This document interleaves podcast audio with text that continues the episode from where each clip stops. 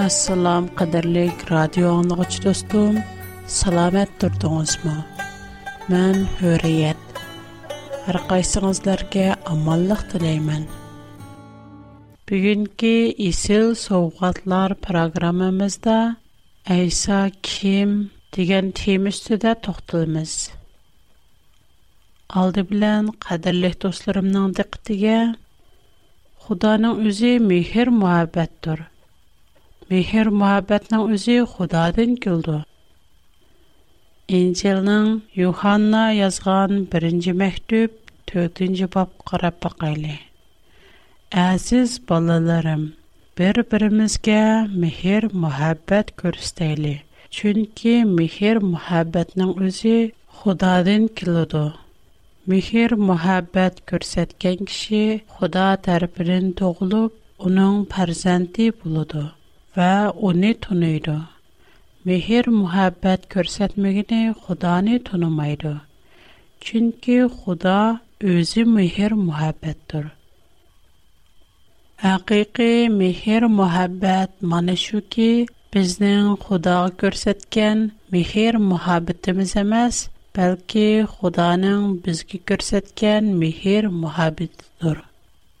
chunki u gunohlarimizga bo'lgan g'azab o'tini o'chirish uchun o'g'lini qurbon bo'lishga avatdi qadrli qarindoshlar xudo bizga shu qadar mehr muhabbat ko'rsatgankan bizmi bir birimizga mehr muhabbat ko'rsatishimiz kerak hech kim hech qachon xudoni ko'rgan emas lekin бір-бірімізге мехер мұхаббат көрсәсек, Худа бізнің ішімізде яшайды. Ва оның мехер мұхаббаты бізді мүкәммәл қылынған болды. Яна Юханна язған бірінші бәктіп, үшінші бапта мұндақ дейілген. Қыранлар, әріштіке отымыз бізге нәқәдәр мехер мұхаббат көрсеткені Уның михир муабидді шунчелик чонгур ки у бізни пәрзентлерим деп атиды. Хақиқатен му біз худанын пәрзентлериміз. Гунах садыр қылған киши худанын қануныға қылаплық қылған болуду. Чынки гунах садыр қылғалдық худанын қануныға Halbuki İsa Məsihnin insanlarını günahidin azad qilish üçün dünyaya gəlgənligi və onun günahsız ikənligini bilsizlər. Şuna İsa Məsihə bağlanıb yaşayotqan kişi günah sadir qılı verməydi. Günah sadir qılı verdiğin kişi İsa Məsihni düşənməyən və onu tunub yetməyən buldu.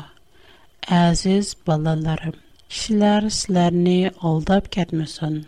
Айса мәси хақкани болғанедек, хақкани лақа амал қылған кишиму хақкани дур. Лекин, кунах садыр қилий вардаған киши шейтанға мәнсуп дур. Чунки, шейтан альмы сақтын тартип, кунах садыр қилип келмәхті. Худаным паразанти болған киши кунах садыр Оныңда Худаның тәбиәти мәвҗүд булгачка гунах садыр кылывермәйди.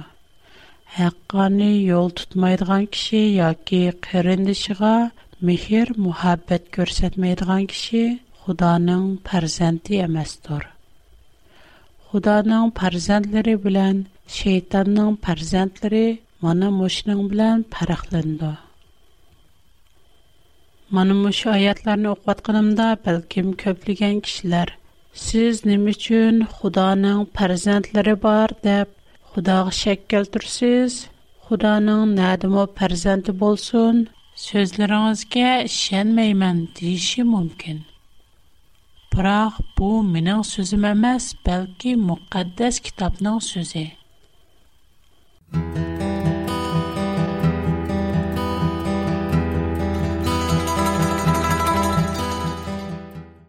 agar biz mushu oyatga yaxshi diqqat qilib inishga tafsili tahlil qilsak bu oyatdan xudoning rostilla bolasi bor degan ma'no chiqmaydi agar birisi xudo ayolmi armu deb so'rasa uning o'zi shak keltirganlik ashu suolni qo'ygan kishining o'zi xudoga shak keltirgan bo'ldi амма ісімізді болсун ки худа хамміна қылалайды.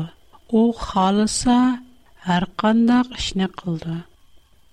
Агер ол халаса, өзінің хияптіні нор шекліда, от шекліда вая ки адам сияқды көрсталайды. Пақат ол халаса.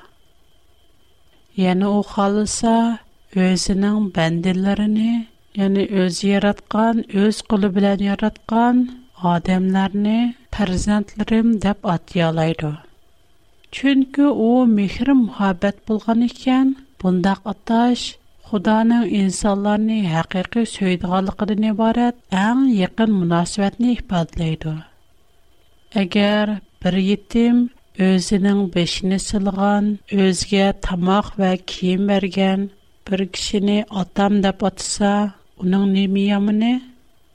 Eğer aşu kişi maşu itim balını, balam, perzentim de batısa, o hata mı? Onların oturusu da içkanda cinsi cihazın bulan kerendaşlık münasibet yok.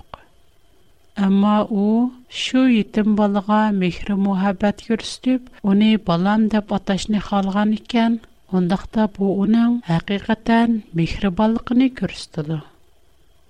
yana Xudo o'zining bandalarini o'ziga iymon etganlarni farzandlarim deb atsa, buning uchun ko'p talash tartish qilishning hech qanday ahamiyati yo'q.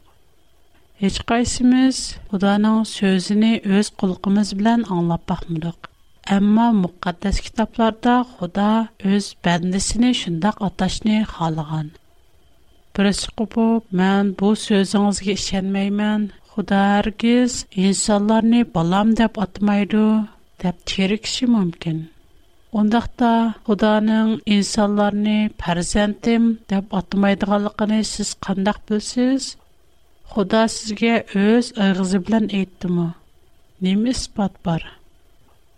Құран кәрім, үшкен сөрі бақар, 85-ші айетті, Сілер китапның бір қысым әхкамларғы шіне, бір қысым әхкамларыны инкар қыламызлар. Сілердің шында қылғаларының жазасы пәкәт аяты дүнияда қорлықы қылыш, қиямет күні қаттық азапқа дучар бұлыштыр. Алла қылмешанлардың ғапіл әмәстур дейілгенедек, біздің бұл сөзлерге ішінішіміздің асасы пәкәт – muqaddas kitob bo'lishi kerak biz nima uchun xudoning shundoq atag'anligini tushundirib berolmaymiz ammo muqaddas kitobda xudo shundoq degan ekan payg'ambarlar shundoq yetkazgan ekan biz uning rostligiga cho'qim ishonamiz ya'ni yuqorqi oyatlarda ayso xudoning o'g'li deb ataldi buning uchun ko'plagan kishilar qarshi turdi ham ba'zilar qasddan shu o'g'li degan so'zning jismoniy jihatdan emas balki ruhiy jihatdan ekanligini bilib tursimu butoq izlaydi buning uchun biz tuvandikidek tushuntirishlarni ko'rib o'tayli qur'on karim uchinchi sura ol imron qirq beshinchi oyat o'z vaqtida farishtalar aytdi ey maryam Allah sana Allah'ın bir kelimesi bilen hoş haber verdi ki onun ismi Məsih Məryəm oğlu İsa'dır. O dünya və axirətdə abroyluq və Allah'a yaxınlardan buldu. Bu ayətin mənasını sözmü-söz ifadələb düşünsək, Allah özünün яни Алладин яки Алланың өзенең бер калам булган Мәсси Мәрйәм огылы Айсадин хош хәбәр саңа бирде. Бу ярды ки оныңдан бер калем булган Мәсси калем дигәннең үзе бер шәхсне ифадлайды. Яни калемнең калам икәнлекне һәммәбез ایوگر خلاص مقال «авал, لرده اول تام آن دین бар. دیگر مقال بار «худаның» خلام «Худаның» ازی خدا чуқым «худаның». خدا نع اغزن چقنی Мәлум خدا نع و هرگز باشکلار نع مس معلوم برکشی سوزلسه پس اونه یعنی برکشی سوزلده دیال میمیس آشیو Шындақ болғанда Худаның иғыздың чыққыны, Худаның кәлемесі пәкәт Худағылы мәсіп. О Худадан келген. Оның тәбиетімі Худадек. Яны Құрандығы башқа аятлар. 4-нче сүре Ниса 171-нче аят. Мәсих Алладан келген бер рухтур. Муш yerdə Allahdan gələn bir ruh Алланың рухи бар дигән мәна килеп чыкты. Ундакта Алланың рухи бармы? Әгәр мен Алланың рухи бар дисәм, сез яна каршы чыгышыгыз мөмкин. Бирок бу гапны мен эмас, бәлки Куран Кәримнең өзи шундый дәйде. Алланың рухи бар дигән икән, ундакта чукым Аллаһның рухи бар. əysəməsi Allahdan gələn ruh. Xudanın özüdən gəlgəni Xudağa mənsub. Xudadan gəlgəninin özü Xudadır. Şuna Xudanın kalamı məngü Xudadır. Xudanın ruhi mu Xudadır. Məngülük və ölməzdir. Xudanın ruhi barmı? O şayet ki Allah'dan kelgen bir ruh yani Allah'ın ruhi bunu kandak düşünsüz. Kalamның мәнісіне біз Инчилнің Йоханна баян қылған қош хабар қысымы бірінші бапты езілған мұны аяттен көріп бақайлы. Хәммәдән бұрын калам мәвжуд иде. О, Худа білән біллә иде. Һәм өзі Худа иде. O kainat yaradylisten Borolla Xuda bilen bilide. U arqaliq barliq mawjudatlar yartyldi. Mawjit bolgan her qandaq nersa uning siz yartilgan emas.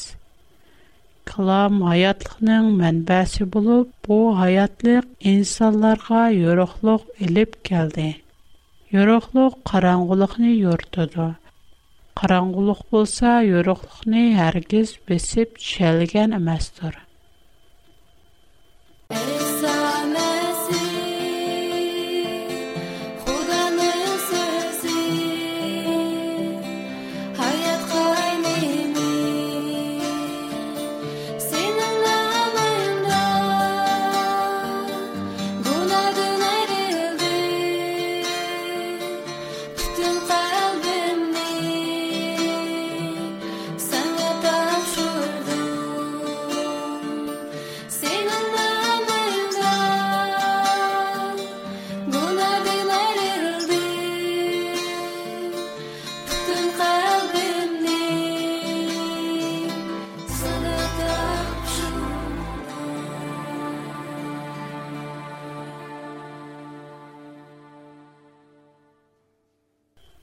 Həmimiz bilimiz Xuda bir eğiz sözü bilən, bir kəlmə sözü bilən, yoki kalami bilən аламны aləmni yaratqan. Demək, kalam onun bütkül aləmni yaratışdiki vasitəsi. Şunğa kalam ərgiz yaradılğan nərsəməz. Fəqət yaratışdiki vasitə, Allah'ın eğizidiki Сөз. Masihning Xudoning o'g'li ekanligiga kelsak, bizda cho'ng bir o'qishmaslik bor. Biz bu so'zlarni kupruluq deb qaraymiz. Xudoning qandaqsiga ayoli bo'lsin deyishimiz. Bu ishni oldi bilan tahlil qilib ko'raylik. Oddiyroq o'ylasak, o'g'il degan so'zning har xil ko'chma ma'nisi bor. Bu hammamizga ayon. Мәсәлән, у o'g'il бала дисәк, буныңдан ике хил мәне чыгыды. Буның көчмә мәнисе булса, у адам бәх батыр, әрлек фазиләткә ия, җөрәтлек адам икәнлегенә белдерде. Шуныңдәк, tilning onasi quloq, zukam kasalning onasi Лукман тибабетнең беренче атсы, кеп анысы катарлык ибарлар яки тәмсилләрнең һәмисе ата-ана дигән сүзләрне көчмә мәнәдә эшләтүдә. Әгәр без буларның һәммәсене худди мөхәддәс китап, Инҗил ва Таврат әйтелгән Худаның оғлы деген сөзіні түшенгендек, Худаның парзантлары деген сөзіні Қастан уттры сүғучэнсек, тилнан анысы бар ма? Ким унан анысны көріп бақти? Зугамнан баллара ба ма? Лохман бір адам. О, қандақсия, тибабэтчилик, адси бұлалайды, унан баллары адамамаз, бәлки тибабэтчилик ма? Йолнан оғли. Бу ибарай, йолнан бір аялы бар дигали кемаз. Китабнан Мәккә шәһәрләрнең анысы. Шуңа шәһәрләрнең анысы бар, балысы бар, китапларның урык авлады бар дигәндәк нургын қалай мұқанчылак килеп bu Әммәмиз бу сүзләрнең көчме мәнисе барлыгын билеп турып, уның бер хил ифадәләш вастысы икәнлеген билеп турып, қастан шу сүзгә исылып алсак, нечә өзимизне Бәзі сәй пәйгамбәр Аллаһның деп аталған. Мәсәлән, Ибраһим пәйгамбәр. Куран-Карим 2-нче сүре, 107-нче яятта: "Сизләргә Аллаһдан башка һич кендәк дус һәм мәдәткар юктур." 60-нче сүре, 8-нче "Алла адларын дост тотты диилгән." Яна хадисләрдемо кәмбәгәлләр минең аиләмдер дилгән. Мәне мош аятлар гохшаш Худа өзенең дурус тугра бәндәләренә минең достым дип атыган. Яна Худа кәмбәгәлләр минең аиләмдер дигән. Шундак булганда Худаның аилесе бармы? Әлбәттә юк. Ундакта уның özünün sadiq, toğra, durus bəndələrini menin pərzəndlərim dəb atışının nemi yamını ba? Şuna xudanın sadiq, toğra, haqqani bəndisini menin pərzəndim dəb atışı heç qandaq əcəblənərlik şəməz. Xuda xalısa əlbəttə həmmə işini qılalaydı. Bunu biz qayt-qayt təhrarlab ötdük, Xuda həmmigi qadir.'' həmməkə dana. Pərzənd və ata sözünün köçmə məndəkəlikini bilib tursaqmı, cahillik bilən hərgiz undaq ataşıq bolmaydı, xata dəb durvalmız. 39-cu surə Zümer 4-cü ayətdə nə deyir? Əgər Allah balla tutuşni xalis idi, əlbəttə məxluqat işçidən халыгынны ихтияр кылат ди. Шундый икән, Худа халиса иnsanларны фарзандларым дип атаеру. Айсанның Худаның огылы дип аталганлыгы ажайып ишемез. Худа мؤмин бәндәләренә фарзандларым дигән. Алла мехриман, шәфкатьлемесме? Бурун бер нәчә достырүм, туныш белешлерүм Сиз адамны Худаның образыда сүретедә дидеңиз деп каттык айыплаган иде. Әмма бу шикаят туры эмес. Худа адамдак эмес.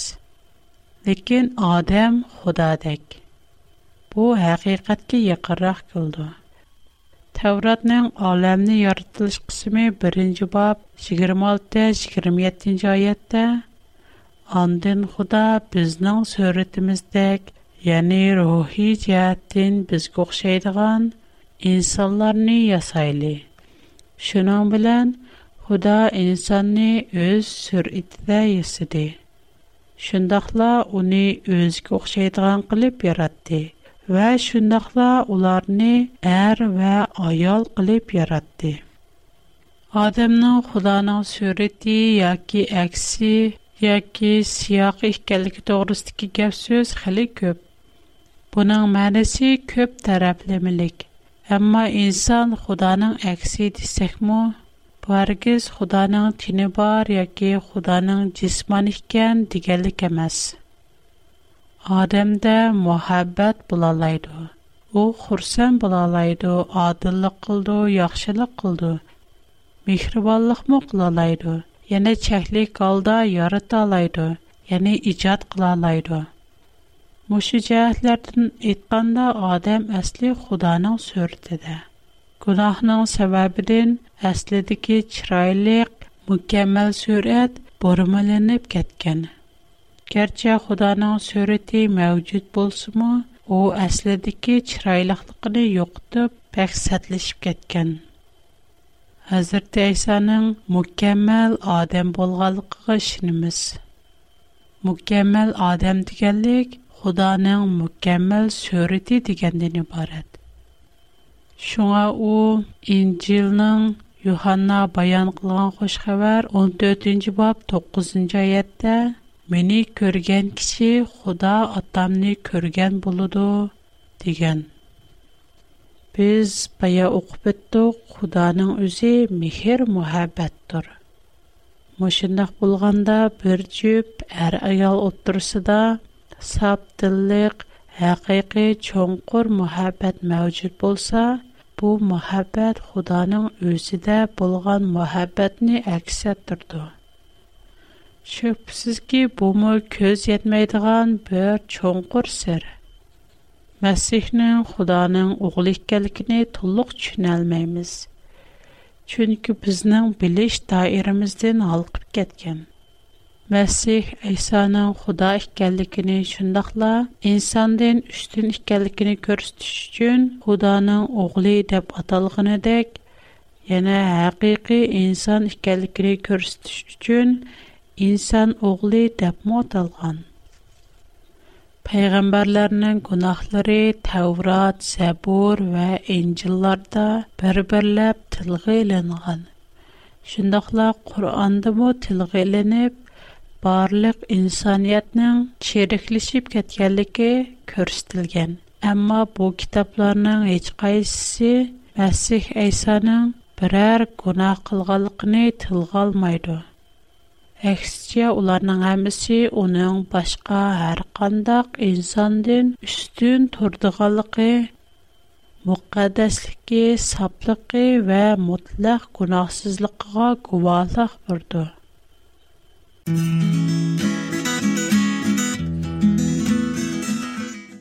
Hiç qandaq bir peyğəmbər ya ki rusul özünün qancilik uluq buluşidən qatı nəzər, hər qizmü özünü xatalıqdən xalimən deyişkə pətin almıqan. Amma İsa Məsih bolsa dadıllıq bilən düşmənlərdən. Qaysınlar mənin günahim barlıqını ispatlap bir Haqiqatni sözləsəm, nə üçün mənə işənməyisizlər? deyə Bu İncil Yuhanna bayan qılğan xoş xəbər 8-ci bab 46-cı ayət xatırlanğan. O yenə mortlara Әмді сілер білән сөзлішідіғанға көп вақыт қалмыды. Чүнкі бұ дүнияның үкімдары болған шейтан келіш алдыды qalbimda bo'lsa uningga qil suqqidek o'ringu asla yo'q bu oyat yohanna bayon qilgan xushxabar 14 bob 30 oyat ayso masihning nuqsonsiz va gunohsizligiga muqaddas kitobda buningdan boshqa yana nurg'un guvohlik berdigan oyatlar bor uning yaqin kishilari va yoki dushmanlari Уның кылган эшләренен هیچ кандай айып тапалмаган. Ремле Вале Платос, Яһуди рәхбәрләренең Иса үстидән чыгарган әризләрен тәкъшергенде, аның ден هیچ кандай айып тапалмаганлыгыны эйлан кылган. Вале Платос удән "Һақиқат дигән нимә?" дип сорады. Андан кейін ташқырыға чыгып, яни көпчілікнің алдыға чыгып бұларға.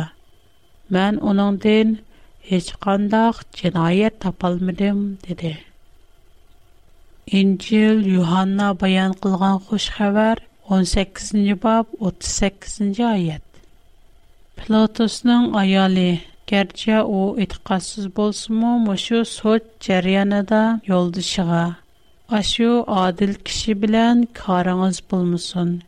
Çünkü onun sebebinin akşam körgen düşümde cik azaplar çekiptimen degen sözünü yetküzgen. Demek bir etiqatsız mı? Eysa адил adil, haqqani ikkenlikiga guvallık bergen. Mesih'nin bütün ва ve kılgan işleri onun mutlak, faziletlik, qusursuz, xatalıqdan xali ikənligini isbatlaydı.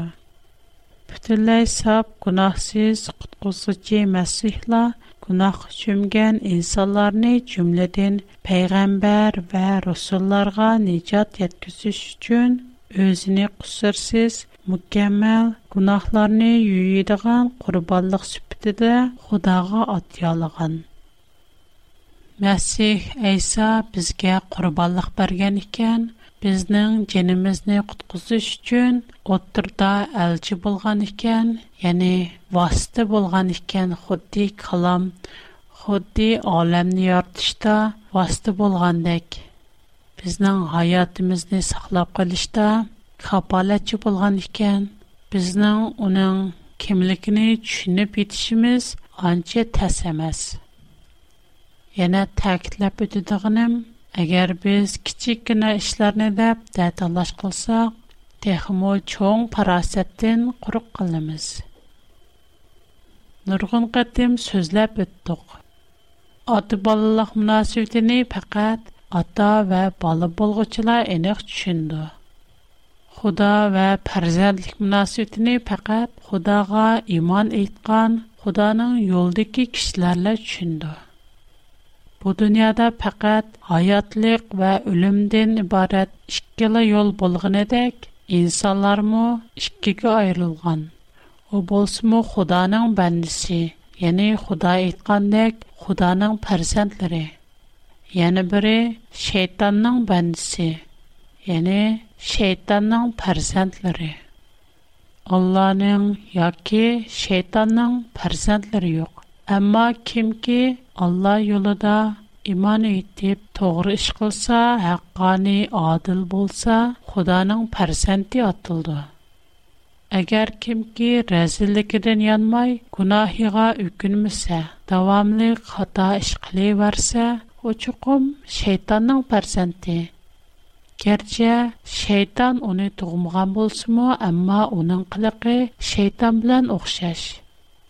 بس اون شیطان نه اغلی دیالیم از ки, از بولسون که адам نه سوزرنه هر قندق آدم китап گرتل میده اگر او اشکی کتاب سحر دور دیگر سوزنلر دا راستیل بودگان بولسانلر او اشکی کتاب خارگاندا الله ترپدن نازل بولگان تخمو